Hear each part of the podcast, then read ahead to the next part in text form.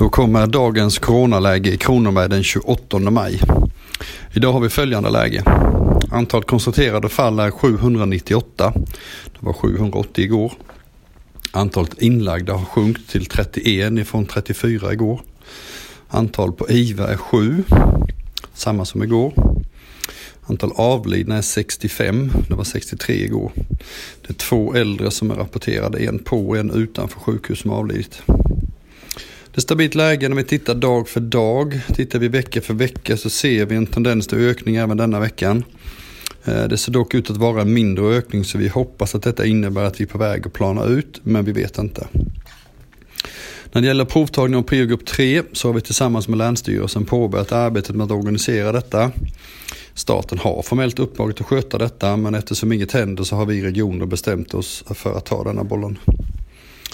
Ibland diskuteras det hur många avlidna vi har haft i olika regioner och då kan man ibland få höra att vi i Kronoberg har så många fler än till exempel Kalmar. Då ska man veta att Kalmar inte redovisar de som avlider utanför sjukhus, det vill säga de allra flesta.